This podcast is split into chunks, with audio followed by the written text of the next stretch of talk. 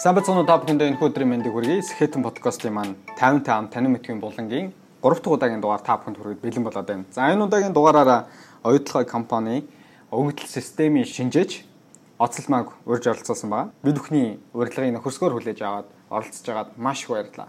Баярлаа. Урсанд маш их баярлаа. Хамгийн анхад бол Оцлмад энэ хүү урилгыг бол гинтийн байдлаар хүргэсэн. Бид хүмүүс ингээд төлөвлөөд албан ёсоор урилга явуулахаас илүүтэй гинт таараад тэгээ шууд урилга ам байдлаар хөрсөн байгаа. Тэгээд бидний гинтийн урилгыг нөхөрсгөөр хүлээж аваад ажлынхаа дундуур бас цаг цаг гаргана гэдэг бол амаргүй ажил. Тэгээд өөрийнхөө мэддэг, чаддаг, туршлага өөрийнхөө сонирхдаг зүйлээ манай подкастын сонсогч нар залуучуудтайгаа хаваалцах гэж байгаад маш их баярлалаа. Тэгээд подкастын маань эхний нэг тогтсон асуулт байгаа да. Тэр тогтсон асуултаараа эхлэе гэж бодож байна.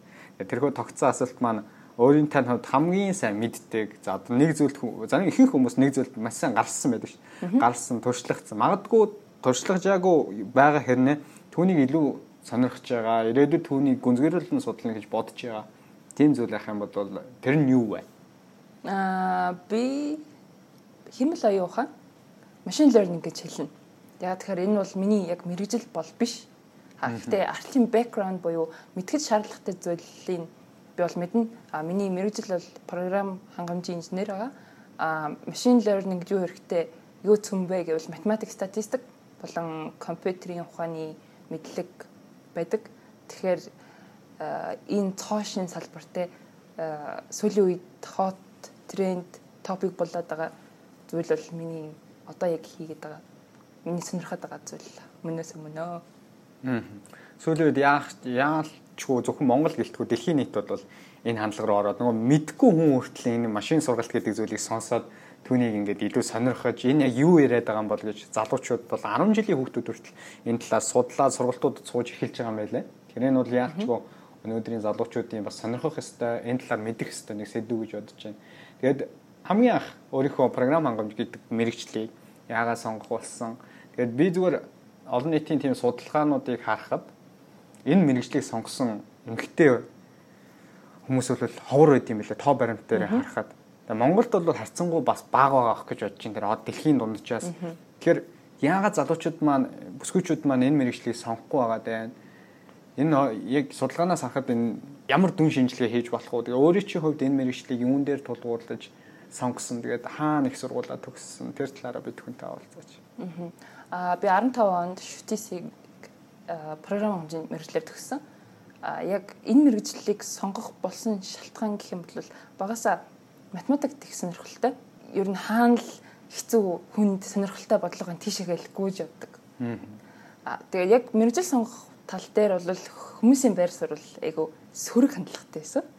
Манай гэрээхнээс бусад ойр дотн хамаатны хүмүүс юу гэж хэлжсэн бэ гэхээр өө чи эмгтэй ээж. IT-ийн салбарт ороод яах юм те? Чи менежментээр яв эмгтэй хүнд илүү амар, бие дамар. IT-ийн салбар бол хэцүү гэдгийг хэлжсэн. Гэхдээ э, аав ээж минь тэр тэрийг сонсоогод маш их би баярлдаг. Миний охин дуртай мэрэгчлээ сонгоод дуртай юм хий гэд надад сонголтыг өгсөн байдгийг. Тэгээ одоо ингээ харахад маш зөв сонголтоо хийсэн юм шиг санагддаг. Тэгээд э, яг тэр хэлжсэн хүмүүс болохоор миний ер нь ойрын хамтны хүмүүс. Би 16 тад оюутан болж исэн. Бараг өсвөр нас дуусаагүй үедээ Гэтэл тэр хүмүүсийг хилжсэн үг миний дахин ингээ байсаар л байсан байхгүй. Хэдий би би болж ин би чадж ин гэж явж исэн ч гэсэн тэр өгнүүдийг айгу эмзэгэр хүлээж авсан юм лээ. Одоо ингээд юу гэдэг багшад юмаа үзүүлээ шалгуулахад багшийн хандлага нэг өөр байвал ёо би эмгтэй болохоор л чадахгүй байгаа юм болов эмгтэй болохоор л багш нар надад ингэж хандаад байгаа юм болов одоо юу гэдэг эрэгтэй оюутнууд эрэгтэй болохоор л сайн чадаад байгаа болов гэдэг нэг тийм санаа зам нь үнэхээр байсаар ирсэн. Яг үнийг хэлэхэд. Тэгэхээр э, яг ингээд мэрэгжил сонгогч байгаа үед бол тэр ойр дотны хүмүүсийн хэлж байгаа үг маш их нөлөөлт юм билээ. Аа. Тэгтээ яг хуу сонгосон. Тэг сонгосон. Өөрийнхөө тэр зорьсон зорилготой бол эзэн болсон. Тэр нь хамгийн гол нь би зүгээр сая яриагийн сонсч байхад аав ээж нь бол хамгийн гол хөшүүрүүн байсан. Хүүхдийн сонирхлыг дэмжижсэн. Тэр бол нэлээд нөлөөлсөн юм шиг байна. Тий, ер нь бол айгүйх анзаардаг байсан мөлий намайг. Ааха. Надад хилдэггүй л болохоос айгүйх ярддаг. Хоорондоо их ярилцдаг. За отко маань ийм шүү дээ, тийм шүү дээ. Чадна болох юм байна. Энэ мэрэгчлэр нь явуулъя гэдэг санааг бол яг гаргаж өгсөн байдаг. Аа. Одоо тэгээд их сургуульд орчлоо. За би угаасаа өвгөр сурна гэж шийдээ те. Хүмүүсийн үгийг тоохгүй. Ороод сурсан тэр 4 жил оюутны жилүүдэд яг төсөөлж исэн шиг бүх зүйл амархан байсан уу? Бүр төсөөлж исэн шиг үнэхээр сонирхолтой. Би үүнийг л хүсээд байсан гэдэг бодол тэр үед байсан уу? Харин эсэргээрээ бас нөгөө сорилтууд толгарсан уу? Нэрээ эн чинь бас хэцүү мэрэгжил байсан юм байна да. Тэр хүмүүсийн хэлжсэн үнэн байсан юм байна гэдэг бас эргэлзэх жоохон зорилгоосоо хойш ухрах тийм бодлууд төрж исэн. Хм Ер нь баг үгүй юм шүү. Аа. Айгуу сонирхолтой байдаг байсан. За яг хуу нэгдүгээр курст орлоо.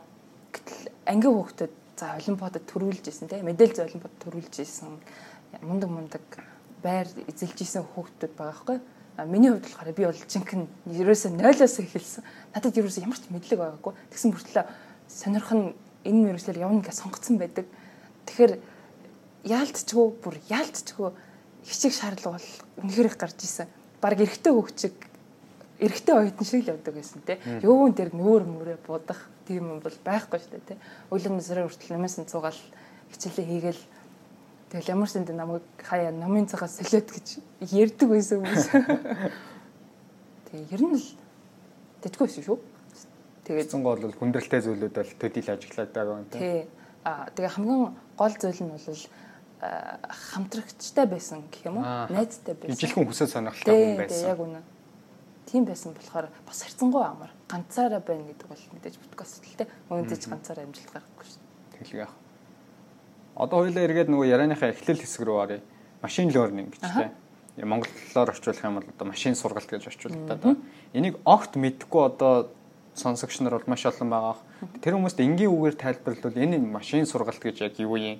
Энэ хиймэл оюун ухаан гэж яг юу юм энийг хүн болго яриад байгаа энгийн үгээр нэг хүнд ойлгуулыг өгвөл чинь хувьд юу гэж тайлбарлах вэ? А ер нь л машин сургалт гэх юм бол хүн ер нь өмнө үзэж харсан ойлгосон зүйл дээрээ тулгуурлаа шийдвэр гаргадаг. А машины хувьд яадаг вэ гэхээр энэ ийм байсан шүү, ийм тохиолдолд тийм байсан шүү гэдэг зүйлийг машинд одоо тодорхой тоон утгуудаар хэлээд өгчнө. А тэрнээсээ машин маань өөрөө бидээ шийдвэр гаргахыг ер нь л машин learning гэдэг хамгийн энгийн үгээр хэлэх юм бол а хиймэл оюун ухаан гэх юм бол бүр э, ямар ч нөхцөлд шийдвэр бидээ шийдвэр гаргаж үйлдэл хийхийг ер нь хиймэл оюун ухаан гэдэг. Тэрэнд бол дата хэрэгтэй гэсэн үг. Тийм, машин learning бол гол цөмнө гэж ойлгож байна. Яг тэгэхээр ямар нэг үйлдэл авахын тулд шийдвэр гаргах хэрэгтэй гэдэг тийм болохоор.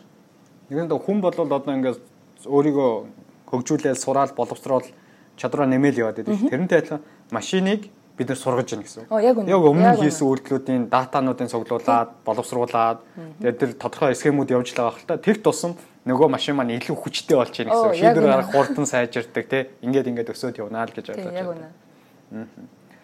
Одоо тэгвэл оюутлага гэдэг энэ том төсөл дээр олон улсын төсөл дээр анх холбогдсон үеийн яг хэдий үетэй холбогдох уу? Тэгээд яаж яваад оюутлага гэдэг төсөлтэй холбогдсон бай. Тэр түүхээ бид нарт олцооч. Залуучууд бид нар бол нэг олон улсын төсөлтөд дөнгөж сургуулаа төгсөөд ажлын байр гэдэг бол том асуудал байдаг. Тэгээд өөрийгөө олон улсын төсөлтөд сорж үзмээр байдаг. Гэтэл нэг олон жилийн ажлын туршлагууд шаарддаг нөхцөл байдал нь тий.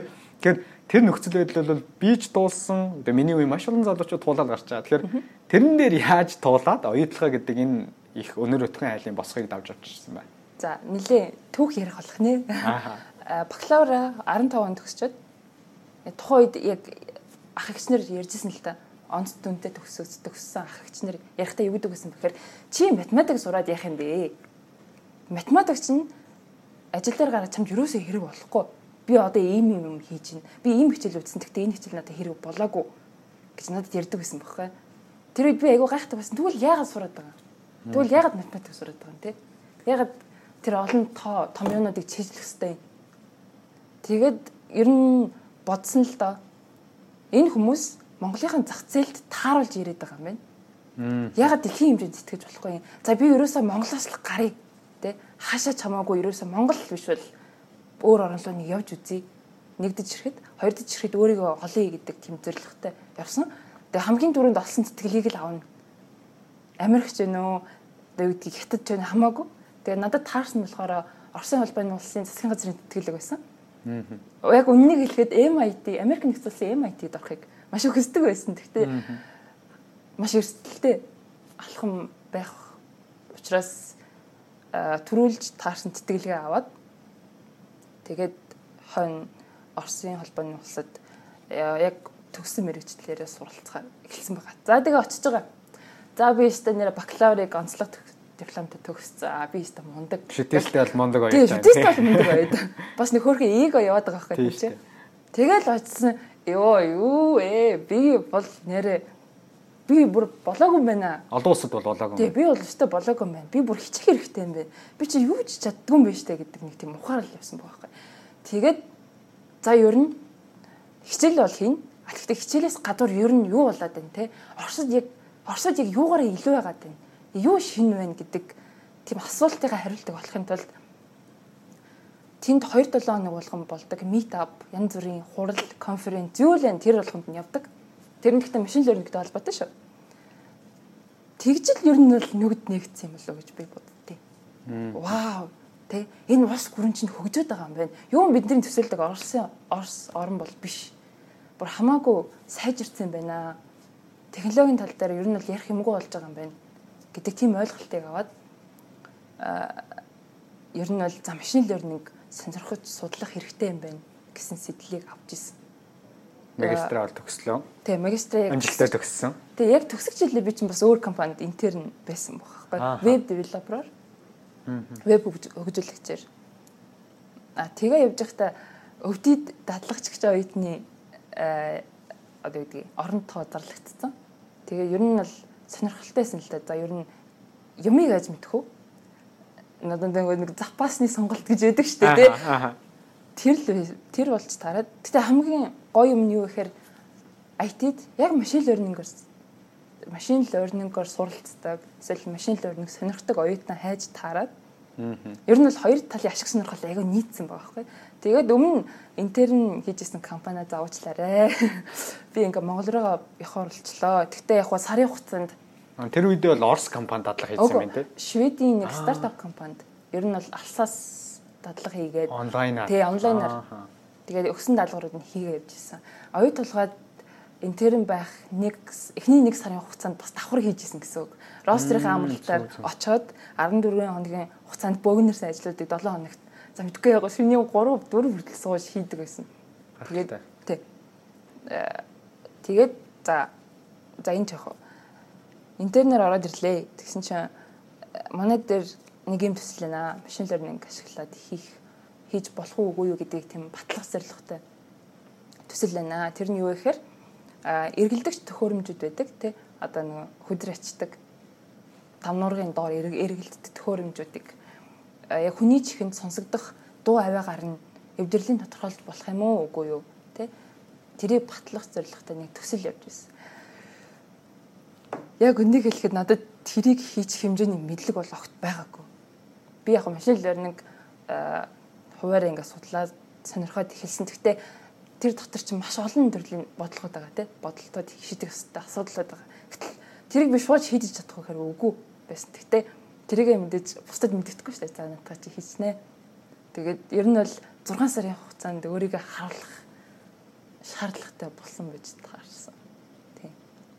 Ер нь л анх холбогдсон түүх нь иймэрхүү байна да. Машин learning ер нь холбогдсон шүү. Аа одоо ингээд оюутлага төсөл дээр одоо дадлага хийгээ тэр 6 сард өөрийгөө харуулах боломж хангалттай хэмжээнд харуулад мэдээж энэ компани жинхэлцэн явж байгаа тийм өгдөл системийн хэмжээд энэ шинжээч гэдэг албан тушаал томилогдоод ажиллаж байгаа. Тэр одоо ингээд оюутан байсан тэр цаг хугацаа тийм очиод Оросын тэр технологийн хөгжлийг хараад гайхаж байсан тэр цаг хугацаа. Томоохон хэмжээний энэхүү төс дээр ажиллаад явж байгаа энэ цаг хугацаа. Хоёрыг ингээд хоорондоо жоохон дэнслэлтэй хоёлаа. Тийм бол Монгол улсын хувьд олон улсын машин сургалт болон хэмэл оюун ухаан гэдэг энэ технологийн хөгжлөөс хэр хойно явна гэж харж байна. Магадгүй монголчуудад залуучууд бид нар юу хийх хэрэгтэй вэ? Залуучууд бид юуг илүү бусдаас суралцах хэрэгтэй вэ гэж одоо яг энэ талбар дээр ажиллаж байгаа хүний явж байгаа ингээд за харьцуулах нь өөрийн гэсэн дүн шинжилгээ хийгээд аха мэдээж бол Монгол технологиор хоцорж байгаа нь үнэн. А гэхдээ маш хурдтай эхэлж байгааг нь би яг мэдрээд байгаа байхгүй хаас яг дата анализ гэдэг мэрэгжил байжлын орон тоо гарч ирж байна. За жишээлбэл бид бүгдийн сайн мэддэг Lendman маань яг энэ аппликейшн, энэ системийг хийхдээ цэвэр хиймэл оюун ухаан, машин ашиглал шаардсан байдаг. Тэгэхээр мэдээж юу гэдгийг шал хоёр өөр орныг харьцуулах нь мэдээж жоо учир дутагдaltaй ах. Гэхдээ манайхан бол хурдтай явж байгаа гэж би бол хараад байгаа. Тий. А залуучуудын хувьд яах вэ гэхээр ерөөсөө нэг л юм байдаг. Хизээч битгий өөрийгөө голоорой гэж. Тэгж л үсэх байна да. Тэгэхээр бусдаар бол бид нар чинь харьцангуй интернет чөлөөтэй болсон тий. Дуртай зүйл интернетээр суралцах боломжтой болсон. Ер нь бол суралцах боломж бол бүрэн байгаа. Гэхдээ тэрийг яг таргетаа ингээ онцлох нь маш чухал юм болов гэж бодож байна. Миний нэг асуулт дуртай нэг асуулт байдаг. Одоо сая ингээд өөрийгөө битгий голоорой гэж хэлж шít. Гадны улс оронд очиод ингээд боловсрал эзэмшиж чинь олон улсын залуучууд цуглаад нэг дор суралцж байгаа. Түүнийг хараад Монгол хүн гэдэг чинь бас нэг ур чадвартай юм байна. Бусдаас нэг өөр юм байна ч гэдэг юм уу. Зарим үед нэг тийм мэдрэмж төрж ийсэн үү. Монгол хүн гэдэг чинь аливаа зүйлийг хурдан сурдаг, дасан зохицох чадвартай ч гэдэг юм уу. Тэр зүйл нь яг юун дээр ажиглагдчихсан бэ? Аа юу гэдгийг монголчууд ер нь дүрм журмд амар баригдах дургүй хүмүүс шиг санагддаг. Аа. А бусад хүмүүс яд ихээр яг энэ томьёогоор л явах хэрэгтэй ч юм уу те. Яг тэр зүү тогтлоор л явах хэрэгтэй гэсэн сэтгэлгээтэй байд юм болов. Монгол хүн болохоор өө наадах чинь тэгээ хийж чинь. Өө ингээ хийж чинь тэгээд айгу сэн сэн шийдэл гаргад гаргадаг нь над дээр өөр дээр маань бас ажиглагдчихсэн байхгүй. Аа. Ер нь бол монголчууд нэг дутаад байх юм байхгүй. Яг зүгээр л өөрсдөө чадахгүй мэдгүй гэд ханд босгочдгоос биш бүх боломж нь бол байгаа шүү. Өөртөө ихтэй тэгээ жоохон тууштай тий. Йоо яг үнэ. Эцэг үр дүнгийн үүсхийн төлөө жоохон тууштай хичээчих юм бол бид үүдэд бол маш олон боломж байгаа гэж. Тийм шүү. Машин learning-ийн ер нь давуу тал нь юу юм бэ? Одоо ингээд бүгд л машин learning бүх салбарт л ашиглаж штэ ер нь. Эдийн засгийн салбарт хүртэл ороод ир чинь эрүүл мэндийн салбарт хүртэл ороод ир чинь үүний давуу тал нь юу юм бэ? Мэдээж давуу талтай болохоор дэлхийн нийт үнийг ашиглаж байгаа. Ерөөсө хүнээс ялгаа тань шийдвэр гаргах хурд. Яг тэгэхээр шийдвэрээ хэр хурдан гаргана? Төдий чиний мэдээлэл дамжина. Хэр хурдан мэдээлэл дамжина. Тэрнээс э, тэрнээс ер нь хөгж хэсэг нь шийдэгддэг байгаа тий. Одоо юу гэдгийг э, нэг нэгтлэн бодогчийн бодох ёстой бодлого нь нэг цагийн дотор үргэлжилдэг бол машин тэрийг хэдэн секундын дотор хийж чадна тий. Одоо ч гэсэн манай дээр нэг репортыг хийхэд 2-оос 3 цаг шаарддаг бол тэрийг 10 минутын дотор автоматжуулах яг тийм төсөл яваад байгаа. Тэрэн дээр бол би яг гар бие оролцсон явж байгаа. Удахгүй ер нь бол хэрэглэнд гарах болов гэх мэтчлээ.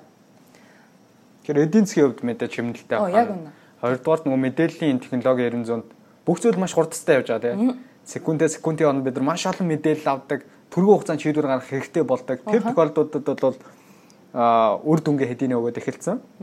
А хүмүүсийн тэгвэл нэг айж байгаа зүйл за давуу тал бол ингэ байна. Давуу талууд байна. Эсвэргээр энэ чинь нөгөө ажлын байрууд бий болох алдагдаж эхлэх юм шүү. Хүмүүс ажлын байргаа болоод роботууд машинууд энэ хүмүүсийн чи ажлын байрных нь орон тоог нээслээд эхэлчих юм шүү. гэдэг нэг айц сагаад байна. Тэгэхээр тэрийг айцыг даваад энэ машин дөөрний буюу машин сургалтад бид нар өөрсдийнхөө ур чадварыг яаж хослуулах хэрэгтэй юм бэ? Яаж хамтарч ажиллах хэрэгтэй? Машин мэдээж бүх зүйлийг шийдэж чадахгүй тий. Аа. Бүх зүйлийг шийдэж чадахгүй. А зөвхөн хүн өөрөө шийдэж чаддаг асуудлууд бол байдаг. Тэр зүйл дээр бол би айх хэрэггүй болоо гэж би бодоод идэв. Гэхдээ энэ айгу тийм бодож штэ асуудал байна. Асуулт байна. Аа. Би нэг сүулт нэг юм яриа сонсчихсан. Машин болон роботуудын хувьд болохоор одоо чинь альва зүйлийг ингээд бид нар чинь ингээд тооцоололт датанд суйрлаад шийдвэр гаргаж байгаа шүү дээ. Жишээ нь эмч вэ гэж бодъё л да. Илүү нэг ойрцсон жишээ.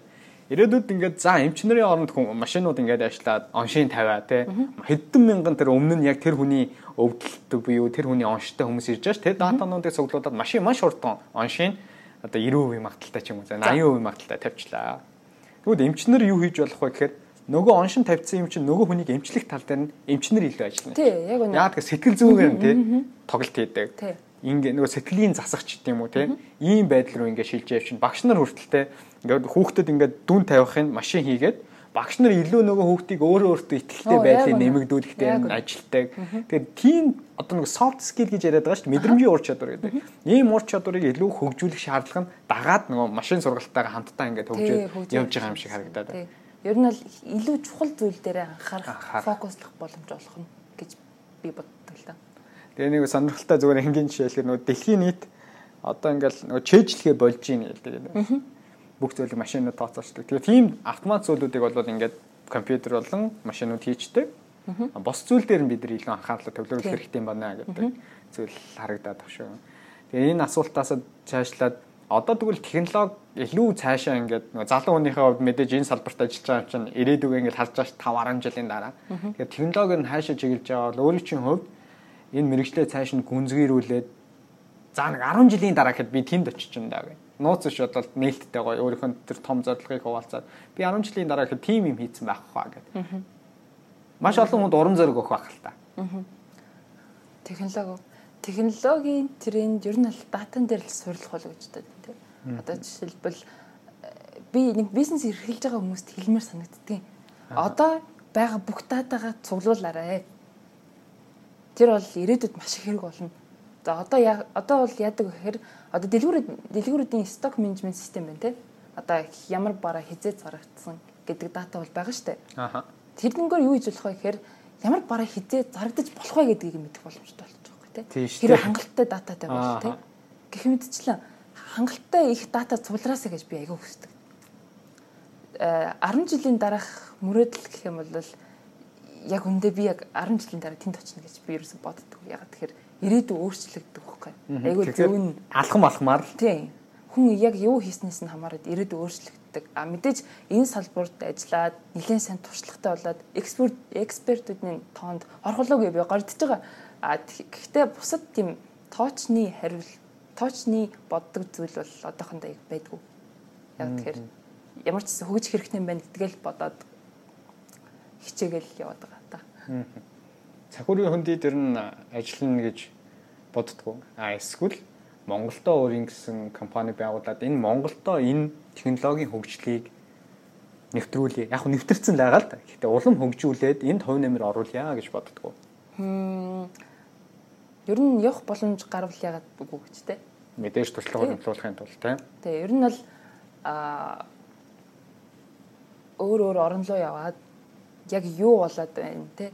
Тухайн орн юу хөгжөөд байна гэдэг зүйлийг бол мэдэх нь бол мэдхээр явах нь бол тодорхой байх гэж байна. А бас нэг жижиг хөгжилтэй юм гэх юм бол Google-д ажилд орохыг амар мөрөддөг байсан. Тий, захир үндэ гэсэн шүү дээ. Тэгээд ажлын байранд нь ер нь ямар шаардлага байдаг юм байна. За тэгэл. За энэ мэдх юм, энэ мэдэхгүй юм байна. Тэгээ хэл ажлын байрууд юу шаардж исэн бэхээр Python гэдэг хэл шаардж исэн. Ер нь тэгэж анх Python гэдэг хэлийг сурж исэн юм билээ. Тэр бол нэг бодлын зөвөр бодлогогүй алхам байсан ч гэсэн нөгөө талаараа маш хэрэг болж исэн гэсэн үг. Ягаад тэгэхээр ихэнх машин learning прожектууд маань Python хэл дээр бичигдсэн байдаг. А Python маань өөрөө маш олон төрлийн зүйл хийх боломжтой байдаг. Одоо нэг 5 6 жилийн өмнө хүмүүсийг англи хэл заавал сурах хэрэгтэй гэдэг байсан бол одоо нэг хэл сурах бол нөгөө заавал байх хэрэгтэй бүр асуухгүй тий. Угаасаа сурсан байх хэрэгтэй та тийм болохоор энийг англи хэлтэй юу үгүй юу гэж бол асуух шаардлагагүй гэдэг шиг. Одоо эсэргээрээ Шинжлэх ухаан одоо fighting гэдэг хэл энэ хэлүүдийг чи одоо бөөнд нь юу гэж хэлэх юм бэ? Програмчлал. Програмчлалын хэлийг бол сурах хэрэгтэй гэдэг нэг давуу тал болоод ороод ирчихэж шүү дээ, тий. Python анх яаж сурсан? Одоо сүүлийн Python-ийн сургалтаас Монголд нэлээд явагдаад байна шүү дээ, тий. Аа, ер нь л онлайнаар бидээ сурж ирсэн. Хэлний бэлтгэлд хахад хамаагүй завтай жүлээтэй байдагсан. Ер нь л орс хэлийг анхнаасаа сурж байгаа шүү дээ. Аа бэ гэсэн хэл. Яг тэр үеэр тусраар нь сурдаг байсан. Аль болох өөрийгөө завгүй байлгах зорилгоор а нөгөө талаас бас Google-д ажилд орох гэж тийм шүү нөгөө төгч. Аа. Тэг тэр заваараа бие дагаад сурсан да. Оросд одоо дөнгөж АБ-гээс нь очиад сурсан гэдэг чинь тий. Нөгөө магистрат Монголд бакалавр авчаад. Тэгэд очиход хамгийн хүндрэлтэй зүйл нь яг хэлээ ингээс ороод өөр орчинд, өөр соёлд очиод эхнээс бүх юмыг сураа явж хамгийн хүндрэлтэй зүйл нь юу байсан? Тэгэхээр нөгөө миний санал татаад байгаа зүйл нь магистрийн хөтөлбөрч хэдэн жил лээ? Хэлний бэлтгэл нь ороод. Хэлний бэлтгэл нь ороод 3 жил. 3 жил. 3 жилийн хугацаанд дөнгөж очиж аагаас нь эхлэнгүүтээ тухайн сургуульд нөгөө сургуулаас гадуурх машин сургалттай холбоотой уулзалтуудад ордог байсан тий клубүүдэд явдаг байсан найз нөхөдтэй болсон гэх. Тэгээ сургуулийн амжилттай төгсөнгөд 3 жилийн хугацаанд энэ бол зарим хүний хувьд хэтргийн богино хугацаанд маш их зүйлийг амжилтсан юм шиг санагддаг байна. Тэгэхээр тэр хугацаанд хүндрэлтэй зүйлүүд юу байсан? Тэр дундаас яаж өөрийгөө ялан дийлээд энэ 3 жилийн хугацааг үр дүнтэй өнгөрөөсөн бэ? Яг үнийг хэлэхэд IT-ийн салбарт ажилдаг бизнесийн салбарт ажилладаг гэх юм уу? Менежментийн менежмент оюутан IT-г оюутан хоёрыг ингээ харах юм бол менежментийн оюутан илүү нээлттэй те. Бусад өөрийгөө ойлгуулж чаддаг. IT-г оюутан яаддаг вэ гэхээр зүгээр нүдний шил зүүсэн өөрөг үрээд бүгдээс нь нэг хүн явдаг байхгүй. Аа. Би бол яг тийм оюутан байсан. Юу ингээ яриад суух те. Тэгээд яг хэрэгтэй зүйл нь юу гэхээр инженерийн скиллээс гадна soft skill маш чухал юм байна. Өөрийгөө бусад хүнд сайн ойлгуулах хэрэгтэй юм байна гэдэг зүйлийг бол би бүр ясан махандаа ортол ши ойлгож авсан байгаа да. Тэгэхээр яг хуу тухайд мэдээж ярих чадвар жоохон муу оюутан байсан. Аа тэгтээ мэдээж хүн нөгөө хүсвэл болгоно гэдэг шиг Асар дайрсан. Тий, ер нь л дайрсан. Одоо ч гэсэн яриа ярих чадварыг яаж сайжруулах вэ гэдэг тал дээр миний толгой амар гашилдаг хаяа. Яг тэгэхээр толгой дотор байгаа бүх зүйлийг ингээ гаргаад амаараа ингээгүүгээр хэлнэ гэдэг бол маш хэцүү. Тий. Тухай тийм л хүндрэлсэн да. А бусдаар бол хэлний бэлтгэлийн үед мэдээж хэлний бэрхшээл байлгүй л яг уу. А бас гайгүй орс хэлээ өөрөө бусад хүмүүсийн ярьж байгааг ойлгохоор өөрийгөө ойлгуулчих хэмжээнд хүрсэн байсан болохоор үлцэн хоёр жил нь бас гайгүй өнгөрсөн болов гэж утсан гэж бодож байна.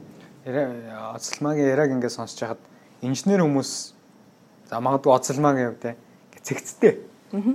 Тун цэгцтэй ярьж байгаа юм шиг надад санагдлаа. Ингээд миний асуулт нь зарим хүмүүс чинь ингээд тойруулахаас тойруулаа л агаад байдаг шүү. Тэгэхгүй яг оновчтой хариултуудыг маш сулууг багтайгаар хариулж байгаа гэж анзаарч байна.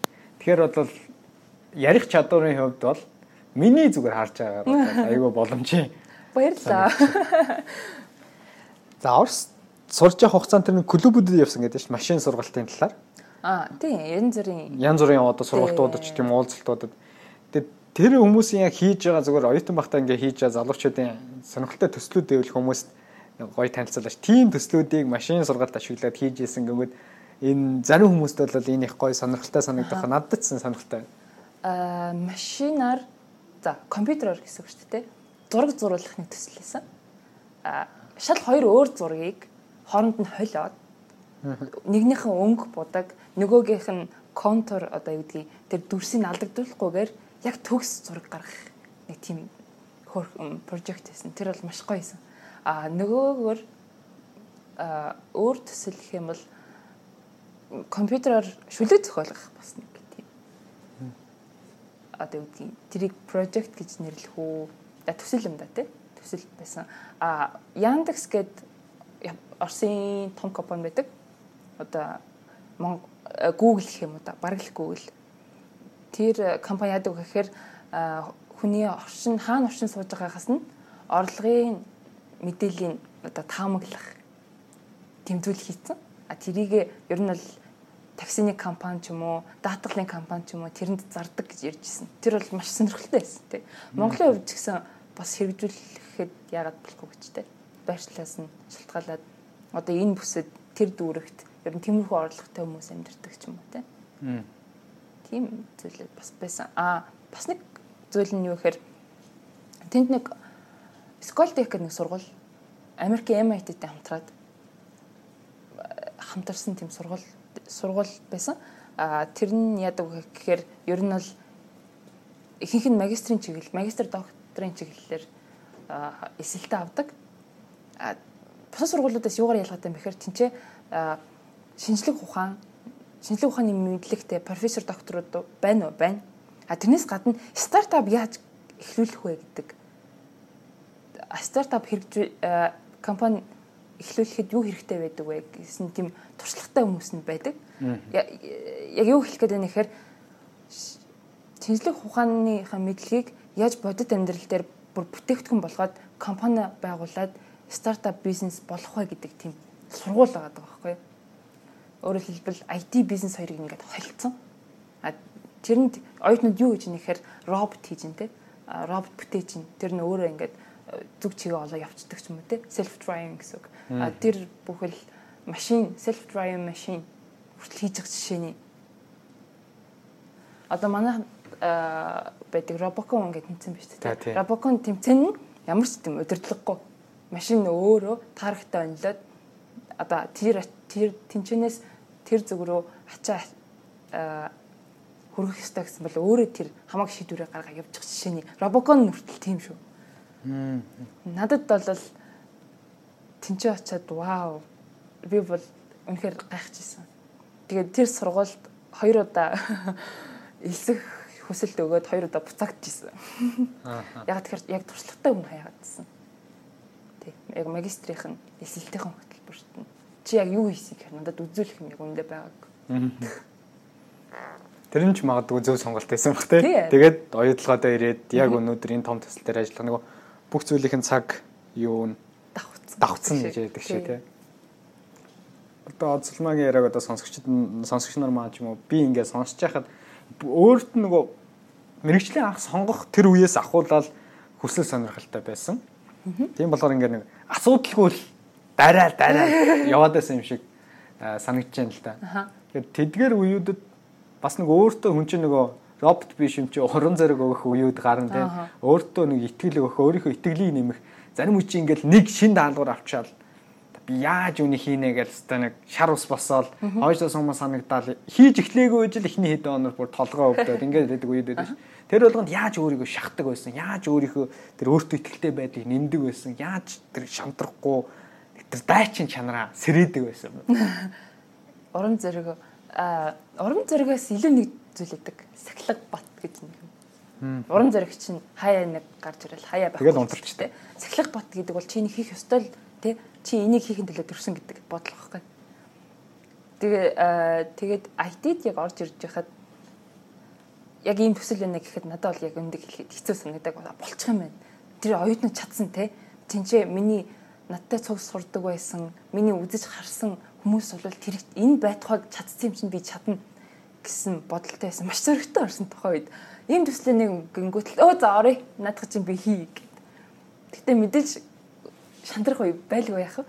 Нэг удаа нэг ер нь бол өөртөө ингээд жоохон ихтгэл буураад санаа зовоод яг тэгэхээр энэ ой толгойн нэг том төсөл 99% надаас хамаарч хахад надад дарамт байлгүй л явах үү те амжилттай болчвол үр ашигтай байх гэдэг амжилтгүй болчвол тэгээ энэ олон хүмүүсийн ихтгэл найдвар ч юм уу хичээл зүтгэл талаар болох гэдэг яах вэ? Би яагаад удаан хийгээд би би эго их удаан хийгээд нэ яах вэ гэд би техникэл аналист. Өөрийгөө голж штэ тий ер нь бол жоохон голж хэлсэн. Тэр үед яг намайг IT-ийн интерн болоход нэг сонгосон нэг хүн байдаг.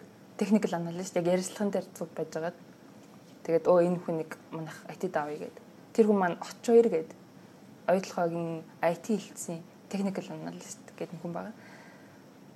Тэр ах ер нь намайг гадарсан л та за ер нь нэг жоохон шантрах гадах шүү байна шүү. Ер нь л нэг болохоо яж шүү гэдэг. Тэгээ надад нэг зүгээр түүх ирсэн байхгүй. Намайг ерөөсөө чи яагаад байгаа магаад ингээ асахгүй. Нэг Орсын поликлиника гэх нэг сериал байдаг. Тэнд гол дүрийн батар жоохон тийм мэдрэл муутай шиг харагддаг. Гэхдээ айгүй мундаг юм чи. Мэдлэгийн хувьд байгаа юм байхгүй ажлаа хийгээл өдөр болгон хийдэг зүйлээ хийгээл явдаг. Тэгээд нэг өдөр эмнэлэгт нь нэх өндөр сайхан залуу эмч ороод ирдэг. Тэр эмч чинь зүгээр л тэнд ч хүн эмчлээд, энд ч хүн эмчлээд ер нь л аяга од болоо гэлдээд байгаа байхгүй. Тэгээ нэг өдөр өөрийнх нь буруугаас болоод маш жохон өгöd 8 насаа алдчихдаг. Эмчийн буруутаагаас тийм. Тэгээ тэр сэтгэлийн шархаа тэр эмч маань давж гарч чадахгүй ажиллаа өгөөд мэрэгжлээ мэрэгжлэрээ ажиллахаа болоод тэгээд ер нь тэр имлгээс бүр мөс явцдаг. Гэтэл нөгөө бидний боддог мэдрэл мутаа юм шиг харагддаг юм ч маань ажлаа яг л яваад байгаа байхгүй. Мэдээч тэр юм чид хэцүү зүйл байсан байгаа шүү дээ. Тэгээ яг энийг хэлээд над тэгжсэн. Одко чи нэг юм хийх гэж байгаа бол хамгийн сайнаар хийчээ. Амжилттай бол үнэхээр сайн яриг те баяр хүргэе. Амжилтгүй бол зүгээр шүү дээ те. Чи хамгийн сайн нэрээ хичээгээд юм дүн гарч байгаа чи өөр яах юм? Тийм болохоор өөрийгөө битгих гол гэлжс яг энэ үг хэлэхэд би нэг нэг киноны утга учирыг бүр үнгээс сайн ойлгосон. Тэр нь юу гэхээр Matrix гэх кино гэдэг шүү дээ. Тэрэнд Neo гэдэг гол дүрийн залуу а Morpheus ба тэ нүдэншилтэй халдсан нөхөр маань Neo юу гэж хэлдэг гэхээр чи сонгогдсон нэгэн тэ чи энэ виртуал ертөнцийг эвдээд эвдэж хүн төрөлхтнийг аварч чадна гэж хэлдэг. Гэтэл нё өөрийгөө юу гэхээр би тийм эвдчихэр мундаг хүн биш.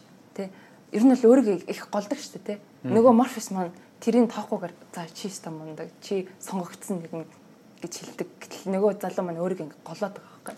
Тэгээ нэг өдөр Morpheus маань өөрөө баригдаад Destiny агентуудад баригдаа явчихдаг шүү дээ. Тэр үед Neo өөрөө яг юу гэж хэлдэг гэхээр Morpheus надад итгэжсэн. За би сонгогдсон нэгэн биш байж болно. А тэгвэл би надад ядаж итгэжсэн тэр хүнийг аврахын төлөө би чадах хүнээ зориуллаа гэд аврахаар явдаг те. Яг энэгээр юуг хэлэх гээд байна гэхээр хүн өөрөөсөө өөрөө өөрөөсөө илүү төгсөн хүсэж байдаг байхгүй. Би нэг 100% чадна гэдэг ч юм уу те. Тэгэхгүй өөрийгөө яг байгаагаар нь хүлэн зөвшөөрөх юм бол тэр яг өөрийгөө олох шат руу төгсөж байгаа болов гэж би бодод. Яг очиахыг тэгж хэлэхэд би яг өөрийгөө яг байгаагаар нь хүлэн зөвшөөрсөн байхгүй. За би ийм юм чадах юм байна. Ийм юм чадахгүй байна. А тэгвэл чадахын тулд яг энийг хийчиход болчих юм байна гэсэн яг тэр шийдлийг олж өгсөн байдаг. Яг үннийг хэлэхэд гэрийнхнаас өөр удирдах алтан тушаалнаас юм үг сонсно гэдэг бол надад ёстой нэрээ харанхуй өрөг гэрэлтүүлчих шиг л болсон. Яг үннийг хэлэхэд голыг олж хэлсэн. байдаг. Хүүер нь өөрийгөө нэг шүүмжлэх болон бусдыг шүүмжлэх хоёр дээр тун боломжтой хандах хэрэгтэй юм шиг. Тийм шүү дээ. Би бол бас одоо адвокат адилхан өөрийгөө их голдог. Яг өнгөрсөн жил саяхан болсон зүгээр нэг процессыг харах юм бол сая нэг өөртөөгөө хүн ингээд нэг зарим үед нэг хүн чимээг нэг өөрийгөө ажиглаад суух үед шүү дээ. Гав ганцаар хэн нэгнээс юу ч сонсохгүй гэх. Тэр үед чинь бас хүнд нэг ашиг тус өгчдөг. Тэгээ өнгөрсөн жилийн яг өдий би нэг зүйлийг өөртөө амласан байсан. Би тийм ур чадварыг өөртөө эзэмшнэ. Тэгээ бүтэн жил тойроод ирсэн. Тэгээ өнгөрсөн 6 сар 6 сарын сүүлд өнгөрчээ. Гэтэл би нөгөө ур чадрынхаа төлөө тодорхой үр дүн гаргах үс ерөөсөө хийгээ гэсэн. Аха. Тэнгүүд хүн чинь өөртөө гомддیں۔ юу. Гомдон өөрийгөө голлон тэгээд би ерөөсөө бүтэхгүй юм байна. Би бол энэ худлаан байна. Өнгөрсөн жилийн гэсэн ийм байдалтай гэнэ. Тэгээд ингээ нөгөө бодит байдлуудыг харьцуулаад үзэнгүүт би өөрийгөө ингэж их голлоо гэд ерөөсөө миний бүтээмж өсөхгүй байна. Харин эсэргээрээ өөрийгөө бас тайвшруулах нь юу юм те За тайвна. Ийм ийм нөхцөл байдлууд байсан. Бодит нөхцөл байдлуудаа сайхан дүн шилгээгээд магадгүй би энэ удаа хийх боломж нь надад хангалттай байгаагүй юм болов. Гэхдээ тайвна болж чинь чи үүнийгээ хийж чадаагүй ч гэсэн өөр маш олон зүйлүүдийг хийж чадсан гэдэг. Өөрийг нэг урамшуулад тэгтээ дараа жил бол яг л хийн. Аа. Гэ нэг өөртөө урам зориг өгөө жоох итгэл нэмээд тэгээд явах юм бол бүтээмж нь харцсангүй өөр баг шиг. Ер нь бол санаа зовхоо болгох хэрэгтэй юм шиг байна тий. Хүмүүс юугаа хэлчих бол Яг гоо. Тэгчих юм болоо. Ямар нэг юм хийхэд наад чинь бол хамгийн чухал асуудал. Эхлүүлэхэд наадах чинь хамгийн их бодогддог баг. Тийм шүү дээ. Энэ удаагийн одоо ингээд подкаст хийгээд анх эхэлж байхад хүмүүс яаж хүлээж авах таалагдах болоо хүмүүс сонсох болоо нэг ч үйлдэл ерөөсө гараасаа гаргаж хийгээгүй санаа зовоод эхэлсэн хүмүүсийн нөгөө бодлоодаас санаа зовоод дүнэлтэ гаргачих эрсдэлтэй байдаг аахгүй ихэнх хүмүүс тэгэнгүүт тэр сайхан санаа яах вэ тэгэл салхинд хийсэж штэ зүгээр нөгөө төсөөлөн бодох чадвараасаа болоод гэдэл зүгээр хийгээл явах хэрэгтэй. Тийм. Гэтэ санаа зовхгүй байх төр чиний хувьд ингээд нэм туршлах ч юм уу тийм практик хийдэг зүйлүүд байна. Аа. За их зарим хүмүүс бол бясалгал гэж хариулдаг. Чиний хувьд ингэж өөрийгөө ингээд санаа зовх тэр мэдрэмж орж ирэнгүүт л тэрийг ингээд алга болгодог тийм нэг дадал зуршил ч юм уу хийдэг гоё хобби. Аа. За хоёр зүйл л хийдэг. Нэг нь бол надад нэг хүн тэгж хэлжсэн байхгүй. Хүн чадахгүй чадахгүй гэдээвэл өөртөө хан босгоод идэв. Чи зүгээр надад чадна гээл дайр гэлжсэн. Тэгээд дайрах юм бол тэр босч исэн хан чинь дундаас хаал гонгоогоо чи тэрнгөр өлхөө гар явчих гэдэг жилжсэн. Тэр үгийг байнга бодох туртай. Хоёрт нь яадаг вэ гэхээр дуртай хөгжмөс сонсоод хинч хаанч харагдахгүй тийм газар руу явдаг гэх юм уу? Арай чимээ багт шууган багтай тайвшрах боломжтой өөрийнхөө хөлийн чимээг сонсох боломжтой тийм газар Ер нь л энэгээр тийм газрууд л зөнд шүү дээ. Зөндөө. Тий. Нэг ойдлогын уулуурхайн төсөлбөр дээр тийм газар тархицсан байх тий. Кемпийн хойно бол өөр өөртөө цаг гаргах боломжууд бас байгаад байдаг. Тий. Тийм хоёр зүйл юм биш үү? За баярлалаа.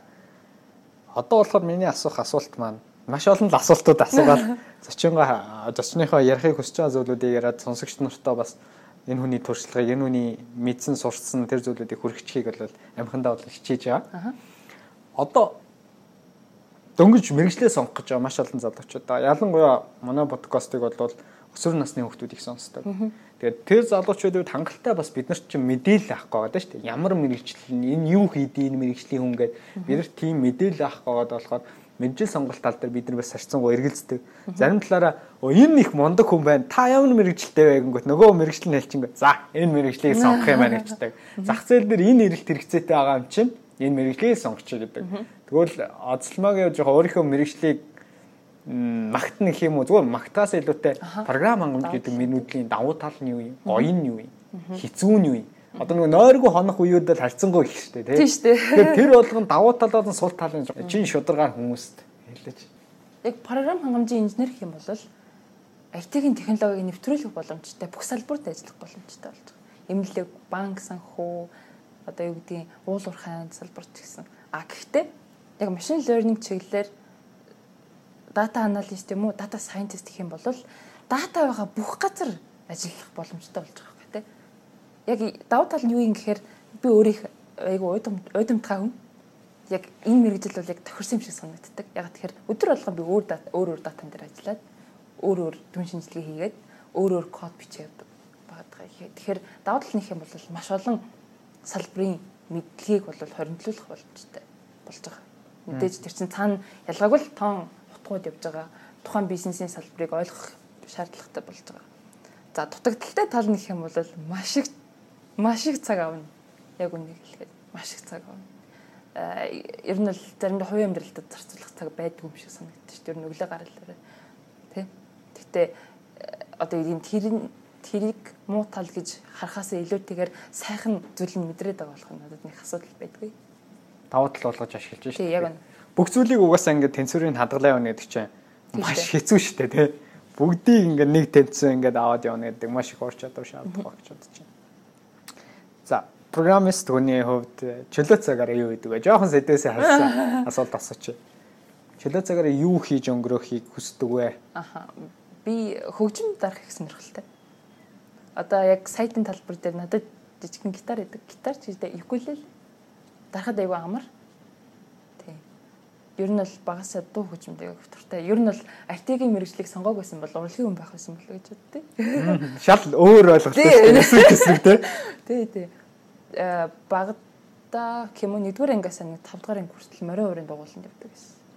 Тэгээ одоо яг хаяа нэг тоглолцдог. Гэхдээ ер нь бол гитар тийм уцан хөгжмөдөд аяг өвтөртэй. Тэгээд хэрэг боломжих юм бол нэг цахилгаан гитартай болох төлөвлөгөө бол байгаад байгаа. Тий. Ер нь IT-ийн мэрэгжил мэдрэмж хэр хэр их шаардах вэ? Ямар төрлийн мэдрэмж гэдгээс шалтгаалж байгаа. Аа бас тийм бах те. Яг янз бүрийн одоо шийдвэр гаргах төвшөнд очиход зарим хүмүүс ч нөгөө дүн шинжилгээ олон ингээд өөрт байгаа мэдээлэл дээр бүр ингээд дүн шинжилгээ хийж хийж яад эцсийн дүн шийдвэр аваад тий. Зарим хүмүүс л эсэргээрээ өөрт нэг төрсэн мэдрэмжээрээ за энийг ингээд хийчихээ шууд дайрчдаг. Тэр талаас нь. Ааха. За машин юу гэж хэлж ин тэрийг л даах хэрэгтэй яг нэг хэлэхэд. Яг тэгэхээр чиний бичсэн код буруу бол машин буруу л гэж хэлнэ те. Тэр тал дээр бол яг үнийг хэлэхэд дүн шинжилгээ баримт фактуудыг дагах ёстой. А шин санаа гаргах тал дээр бол яалтч мэдрэмжээ дагах шаардлагатай болдог те. Энийг юу яаж хийх вэ те? Яавал гоё шин ухаалаг шийдэл гарах уу гэдэг дээр яалтчгүй тийм тийм галзуу гэх юм уу хачин сонинор сэтгэх шаардлагатай бол байдаг. Дээрээс нь маш их юм унших шаардлагатай. Надад яг үнийг хэлэхэд ном унших, хувийн хөгжлийн ном унших цаг эндээ гардаг. Яг тэгэхээр ажил хийдэг бол өөр тэгээ байнга интернет ухаан мэдээлэл зөвлөх шаардлагатай болдог. Баада. Тий. Ер нь л яг юун дээр ажиллаж байгаа гэдгээс шалтгаална да.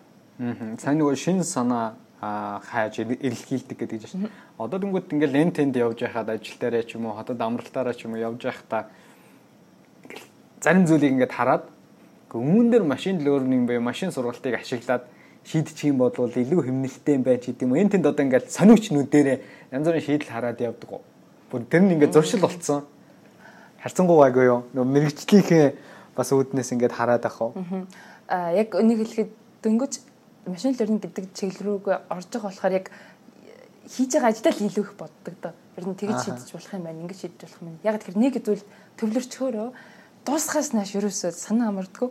Тийм болохоор э, тэр тал дээр их боддгүй юм биш үү?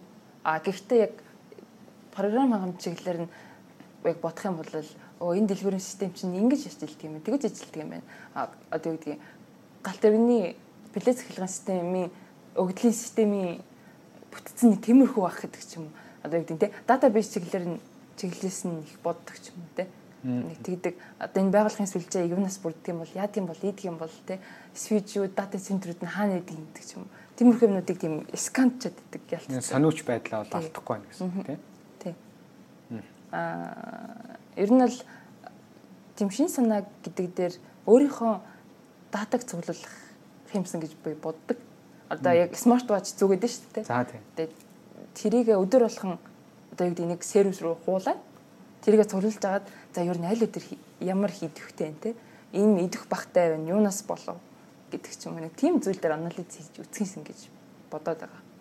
Аа наач сонирхолтой байна. Би одоо нойроо хэмждэг бас нойроо алхаагаа хэмждэг. Гэтэ ингээл датагаа цуглараад хальт харчаал за урд нь бол жоохон дасгал хөдөлгөөн хийсэн болохоор эрт тудлаач гэдэг юм уу тиймэрхүү юм хардаг. Яг ингээд дүн шинжилгээ хийгээд ямар үед би их сайн нөр аваад байна гэж бол дийлэн бас бодоод байдаг юм шүү.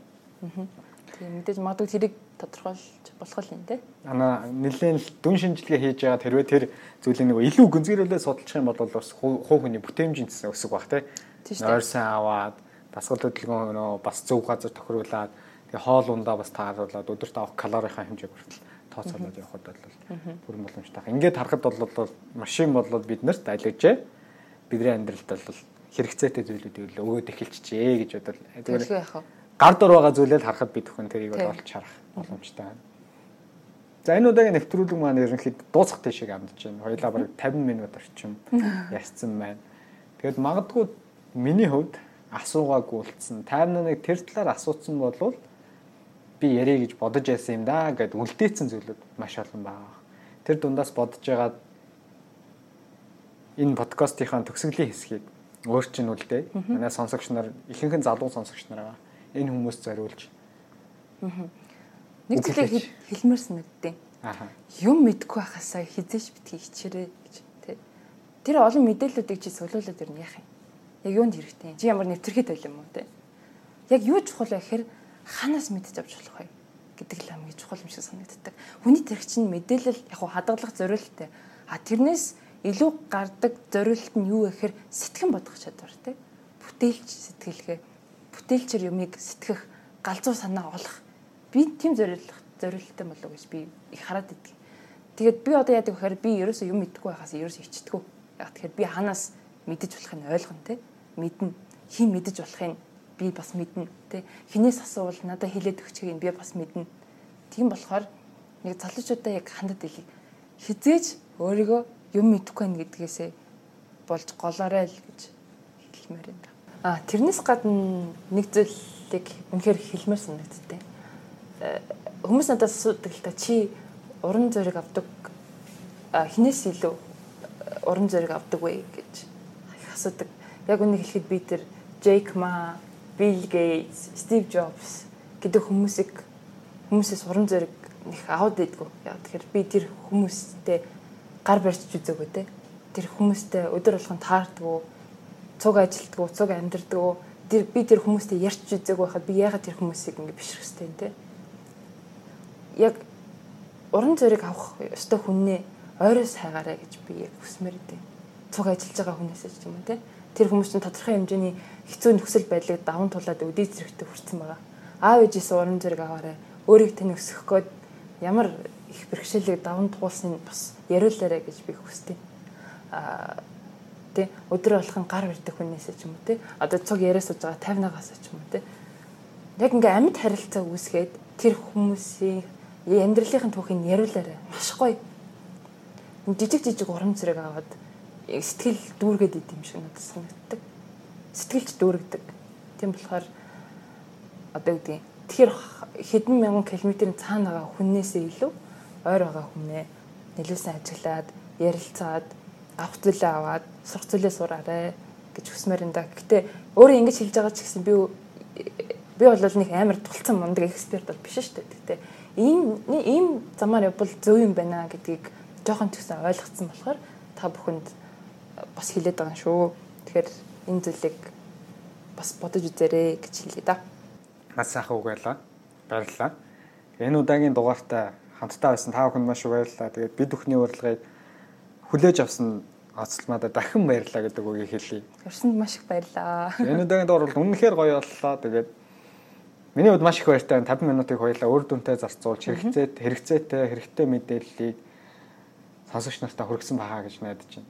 Энэ удаагийн дугаар танд таалагдсан бол та бүхэн юу гэхээр маш сайн мэдж байгаа. Энэ хүү подкастыг скриншот хийгээд өөрийн Instagram хаяг дээрээ стори байдлаар оруулах боломжтой байгаа шүү. Стори хийхдээ 50 цэг би гэсэн миний Instagram хаягийг меншн хийх юм бол би таны сторийг харах боломжтой таны илгээсэн сэтгэлдлийг би бас унших боломжтой байгаа шүү. Энэ үртэл төвчээртэй сонссон сонсогч та бүхэнд маш их баярлалаа. Дараа дараагийн дугаараар дахин уулзлаа. Түр баярлалаа.